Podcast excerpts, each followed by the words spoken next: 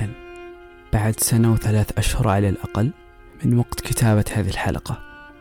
بعد 14 حلقة. بعد وقت كثير أكثر من النيقاس حاولت وكتبت فيه. بعد سنتين من المحاولة لين أوصل. وقت كثير ساعات بالكتابة تسجيل والتعديل. حتى الاستماع مرة ثانية وثالثة. كل هذا كان ليش؟ هل فيه مردود؟ عائد؟ وش خلاني أبدأ أصلا؟ وإيش خلاك أنت تسمع؟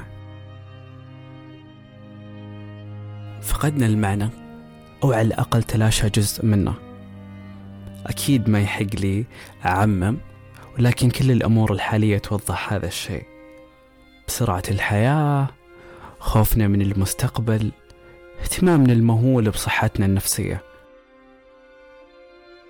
ليش كل هذا؟ من اللي بدا هالنقطة؟ قدرنا نوصل وأخيرا بالرغم أننا نحاول ونكافح ضد هذه الحروب ولا زلنا ليش المعاني تتلاشى ونضيع أفكارنا تجاه المستقبل وما نخلي حلقة بودكاست تتكلم عن الصحة النفسية إلا وختمناها ليش تحديدا الآن؟ الآن في هذا الوقت وعينا. وهل الوعي كافي؟ أو هو بداية الحل؟ أخاف. أخاف أن الأمر يستمر والحاضر بمعناه يتلاشى. حياة اليوم كلها في طريقة للتلاشي. حياة السرعة وإدماننا على شعور الحياة. حتى شعورنا بالوجود فقدناه. أحيانا أحيانا أشعر أني غير موجود. كثرة الأشياء المتشابهة وجود الناس كلها بنفس التيشيرت. وش غيرنا؟ وش وصلنا لهذا المكان؟ وش اللي خلاني أشعر بعدم الوجود؟ هل أنا هاجرت هذا المكان؟ أو إني ما لقيت شيء يشبهني؟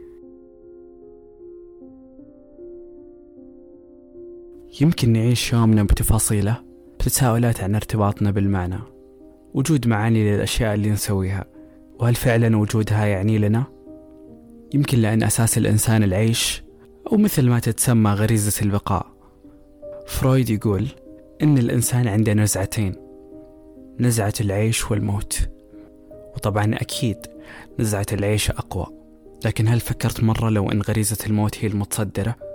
هل بتكون الحياة طبيعية وحنا نقوم من النوم ونبحث ونسعى خلف الموت؟ غريب صح؟ هذه هي الحياة بالرغم من أن الغريزتين داخلية.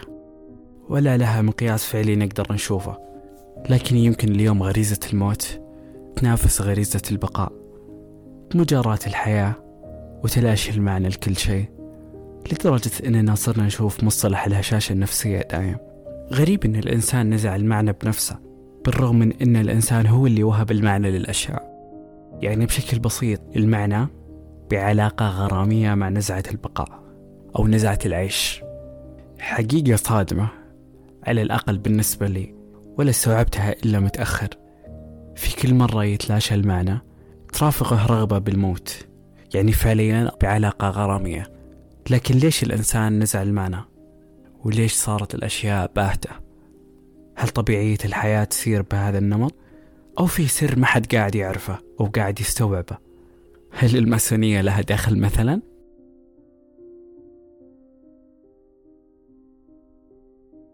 In some ways, suffering ceases to be suffering at the moment it finds a meaning. Life is never made unbearable by circumstances, only by lack of meaning and purpose.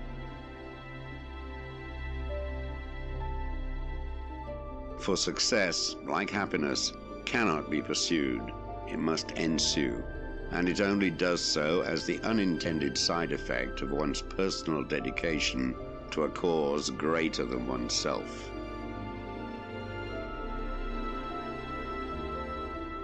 So live as if you were living already for the second time, and as if you had acted the first time as wrongly as you are about to act now.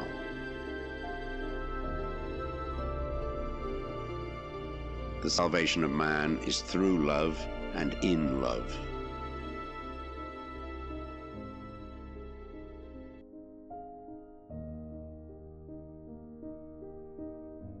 أهلا وسهلا ومساء الخير تمر علينا فترات كثيرة مو كلها بالسهولة نقدر نتجاوزها بعض الفترات تجبرك إنها تمر من جواك وبعضها تحفر في ذاكرتك تترك جواك جرح عميق وبعضها تدفن جواك جمرة ويغطيها رماد السنين.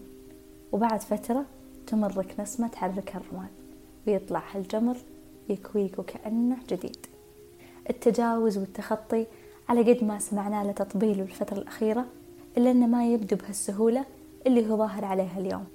وفي مرة قلت أن التجاوز علاج مر والتخطي دليل العافية. وبين مرور هالفترات جواك ومرور بعضها جنبك ومرور بعض الفترات من عليك أحيانا تتهاوى في الطريق. تطيح. بعض المرات توصل لمرحلة أنك تفقد نفسك. تفقد الحياة تفقد المعنى تفقد أساسيات كنت مفروض أنك تصحى كل يوم الصباح عشانها. تفقد أولويات كنت كل يوم تركض عشانها. تفقد تفاصيل كنت كل يوم تسرق لك ساعة عشان تعيشها. مع الوقت هالفترات تنسيك حتى نفسك. لأن بعض الفترات تتضمن مصايب بعضها تتضمن مشكلات. تستغرق فترة طويلة في حلها وبعضها مثل الحزن تتركك في دوامة ما بيدك حيلة. تجربتي ما كانت لا هذه ولا هذه. كانت مثل الحلم. مريت في تجربة مدتها سنين خذت من عمري كثير. عشت فيها فترة طويلة من مراحل حياتي. كبرت أنا والمرحلة سوا. ما كانت مرة جنبي ولا فوقي ولا حتى كانت تحفر فيني. كانت بالعكس تزرع فيني وتنميني وحتى الورد ما نست تحط فيني. طوال هذه الفترة ما كنت حاسة بأي شيء من حولي. كأني في وسط معركة وأنا علي ضمادة ما أحس بولا شيء. ما أقدر أسمي هذيك الفترة إنها فترة سراب لأني كنت بوعي كافي. وعي كافي لدرجة إني أقدر أطلع منها وأرجع لها من جديد. وعي كافي يخليني أكبر أستوعب العالم من حولي ولكني جوا هذه الفقاعة. يمكن الفقاعة هي أبسط تعريف للفترة اللي مريت فيها. لأني على قد ما كنت منعزلة عن العالم حولي إلا أني كنت أشوفه بوضوح كنت أعرف تفاصيله من حولي وحتى بعض الأحيان كنت أضطر أني أفقع الفقاعة وأرجع أكونها من جديد. بهالبساطة كانت الحياة وردية. ولكن مع مرور فترة من الزمن وأنا جوا هذه الفقاعة اللي كنت في كثير من المرات أرفض أني أخرج منها لأنها ببساطة عيشتني مع كل أساسيات الحياة الحب السكينة الطمأنينة حتى العطاء اللي ما كان يبغى له مردود. ببساطة كانت تتران هذه الفقاعة أقوى مما أتخيل. كانت عزلتني عن العالم والسبب بالاكتفاء اللي كنت أحس فيه وقتها. كنت أشوفها منفاي ومهجعي ومأواي. وين ما رحت أرجع لها من جديد. وين ما سافرت أرجع لها بشوقي ولهفتي. مشكلة الدخول في علاقة لفترة طويلة خصوصا إذا كانت علاقة أقرب إلى أنها تكون وهمية أو افتراضية. أقصد بدون وجود شريك حقيقي في الحياة الواقعية. أحد أكبر مشاكله إنه ممكن يحسسك بوهم ممكن يعيشك في سراب ممكن يعيشك في فقاعة معزولة عن العالم الخارجي. ما راح تحس بهالشي إلا بعد ما تنفقع بوجهك. بعد سنين من رغد العيش بهالفقاعة انفقعت بوجهي.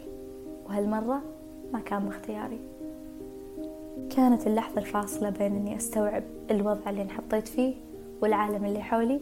كانت لحظة صراحة ما أحسد عليها. كانت لحظة صعبة. كانت لحظة مواجهة. كانت لحظة قامت فيها حرب. ولكن كانت أرض المعركة مهجورة. كنت أحارب وحدي. أنا وأنا. على أني ما شاركت في معارك العالم الخارجي اللي كان حولي لفترة مرة طويلة لما طلعت كنت أحس بكل آثار المعركة وكأني كنت أنا الأرض أنا الأرض اللي قامت عليها حروب حروب الحب حروب العلاقات حروب الأمان حروب العيش حروب الوحدة حروب الوحشة حروب الخوف. كنت أنا الأرض وما كنت أدري. رحلة لملمة الشتات والعودة للانخراط بين الناس والعالم الخارجي ما كانت سهلة أبدا وكانت كأنها تعطيني درس السنين اللي راحت كلها. في أول فترة كنت أحاول أبحث عن نفسي صراحة لأني كنت أشوف نفسي في شكل وهذا الشكل بالنسبة لي طاح. كنت أشوف نفسي في وضع وبالنسبة لي الوضع هذاك انتهى. كنت أشوف نفسي في مراية وصورتها انكسرت.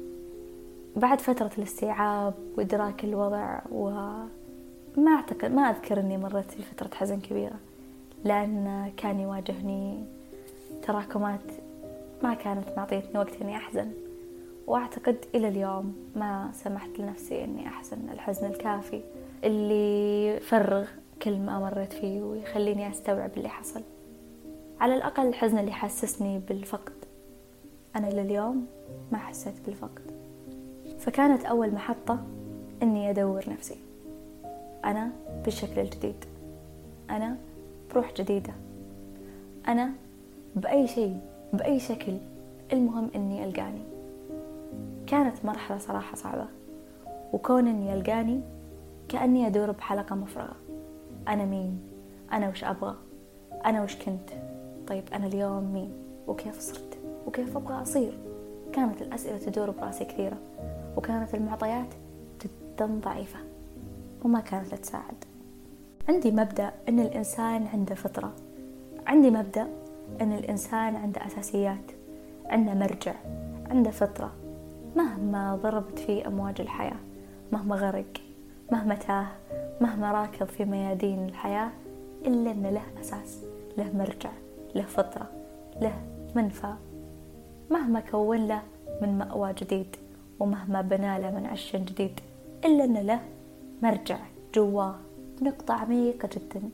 وهذا الإيمان ما خلاني أيأس بسهولة وما خلاني أضعف في رحلة البحث عني. هذا الشيء يمكن كان من أكثر الأشياء اللي ساعدتني في أني ألقاني. جربت أسافر أبدأ كل يوم صفحة جديدة. جربت أنشئ علاقات. جربت أني أحاول أرمم جروح. وما في حل ساعدني. كثر حل أني أبحث جواي.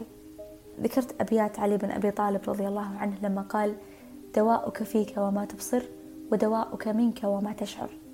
كان هذا يدعم إيمانياتي. في إني بلقى شيء جواي. في إني مهما لعبت فيني الدنيا برجع أطيب. حزمت الأمتعة وشديت الرحال. للرحلة اللي بلقى فيها نفسي. بدور فيها عن المعنى. بدور فيها عن الحياة. بدور فيها على درج جديد أقدر أرقاله بدور فيها على قمة جديدة تصير طموحي وضع الأهداف نصب العين كان من أكثر الأشياء اللي برضو تدعم تمسكي بالإيمانيات هذه فكون إني بفتش في جواي عشان ألقاني كان لازم يكون في هدف يعني إذا لقيت شي جواي ماذا بعد؟ إيش بيصير بعدها؟ طيب وبعدين؟ اختليت عن الناس واعتزلت فترة قريبا سنة كاملة ما كنت أختلط فيها كثير مع الناس. حاولت أني أكون أنا وأنا. بالرغم من معطيات الحياة حاولت أني أرمم هذه الجروح. حاولت أن يكون تركيزي الكامل على نفسي.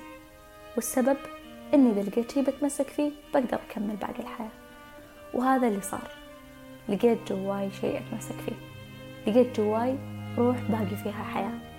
الحمد لله. بهالروح قدرت أحط باقي الأهداف كلها.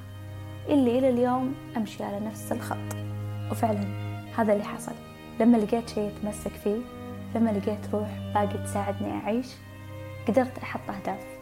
وكانت هذه الخطوة أهم خطوة بعد ما لقيت نفسي. لقيت نفسي يعني صار في روح تقدر تتحرك صار في روح تقدر تخليني أحب قومة الصبح من جديد تخليني أحب أنجز تخليني أحب أشتغل تخليني أحب أتحرك تخليني أحب أرجع. على الأقل شخص أشبه له. بعد ما لقيت هذا الشيء اللي ساعدني قدرت أحط كم هدف وكم محور. وهذه المحاور هي اللي كل تحركاتي في اليوم تمشي على أساسها. ما أطلع من المحور ولا أبعد عن الهدف. وبكذا مرت السنة الأولى. كانت هذه السنة نتائجها غير متوقعة. صراحة أفضل مما أتوقع. الحمد لله. كانت هذه المحاور والحدود كلها تنافي الأشياء اللي كنت أسويها بالسنوات الماضية. كانت هذه المحاور والحدود مبنية على أساس أنها تنافي أي شيء كان يضرني يؤذيني بالسنوات اللي مرت بكذا كان سهل علي إني أحدد أهدافي. وش اللي أبغى أوصل له؟ ومين الشخص اللي أبغى أصير له؟ بعد فترة وجيزة. خططت وكونت هذه الأهداف. كانت كلها صراحة جوا راسي. ما كانت بطريقة تخطيط مثل ما أتوقع. كانت هذه الأهداف هي اللي انتشلتني وقومتني من جديد ووقفتني على رجولي وخلتني أتقبل الناس وأقدر أنخرط في المجتمع وأبتسم في وجيه الناس الصباح وما أتخبى ورا الكمام ولا ورا النظارة الشمسية وسط المبنى وخلتني أرجع أحب الحياة. بصراحة يمكن الكلام يصير كأنه تنظيري ولكن بالضبط هذا اللي حصل. السبب؟ ما أعرف ما في سبب. وأنا اليوم واقفة على رجولي أقدر أشم النسمة وأنا مكاني بعد ما مضت سنة. أنا اليوم شخص على الأقل أميزة أعرفه من بعيد وجه أألفة وصوت ما أقدر أخطيه. أقدر أشوف الحياة أفتش بين تفاصيلها أكتشفني أكثر وأعرف مدارك أوسع وأسبح لفضاءات أكبر. النقطة اللي استوعبت فيها أن الحياة مليانة أشياء الحياة مليانة فرص. الحياة مليانة تجارب. الحياة مو محكورة في هذيك الفقاعة ولا في هذيك العلاقة ولا في المعاني اللي كنت أعيشها ولا في المشاعر اللي كانت مغمورة ولا حتى في الحب اللي كان مغطيني. ما كانت تقتصر على هذيك بس. الحياة ما كانت تقتصر مهما كنت مشبعة. الحياة فيها محاولات الحياة فيها فرص الحياة فيها أبواب جديدة تتفتح. مع كل باب يتقفل ينفتح باب جديد. بعد ما اكتشفت نفسي أكثر وعرفت مين أنا الشخص اللي ما يحتاج العلاقة عشان يعرف نفسه وما يحتاج لطرف ثاني عشان يكتشف إنه هو الطرف الأول. بعد ما حصل هذا كله اكتشفت ان بالحياة في أشياء تمارس.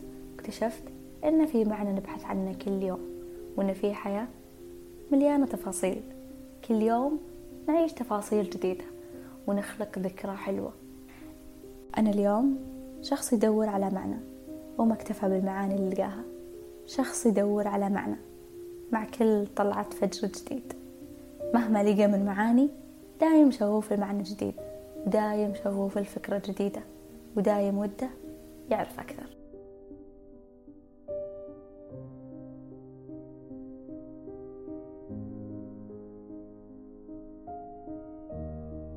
طبيعة حياتنا اليوم وصلتنا لهذا النمط. بالزحمة اللي نقعد فيها كل يوم. رايحين وراجعين لدوامنا. وكل يوم نفكر بنفس الأفكار. ليش الأشياء أبهتت؟ ليش فقدنا معاني الأشياء؟ رجعنا بطريقة ما. ندور على أشياء تحسسنا بالمعنى.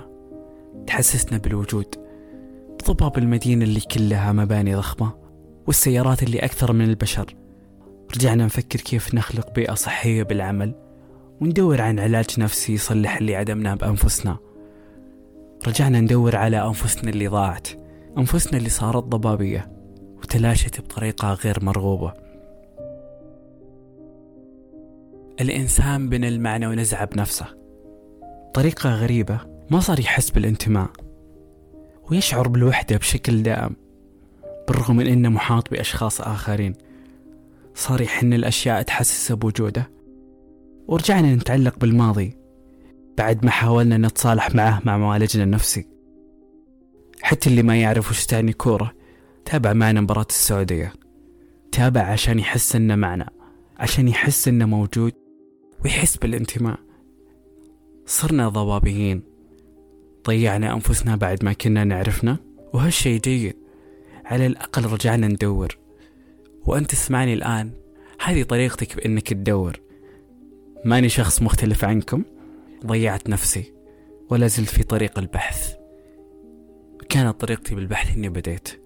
بديت ونزلت أول حلقة في 14 أغسطس سنة 2021 ولا زلت أبحث. بهذه الحلقات الكثيرة اللي ما راح تتوقف وبتستمر. أبحث في حلقات قدام وحلقات سابقة. أنا هنا زيكم. إنسان يبحث عن معنى.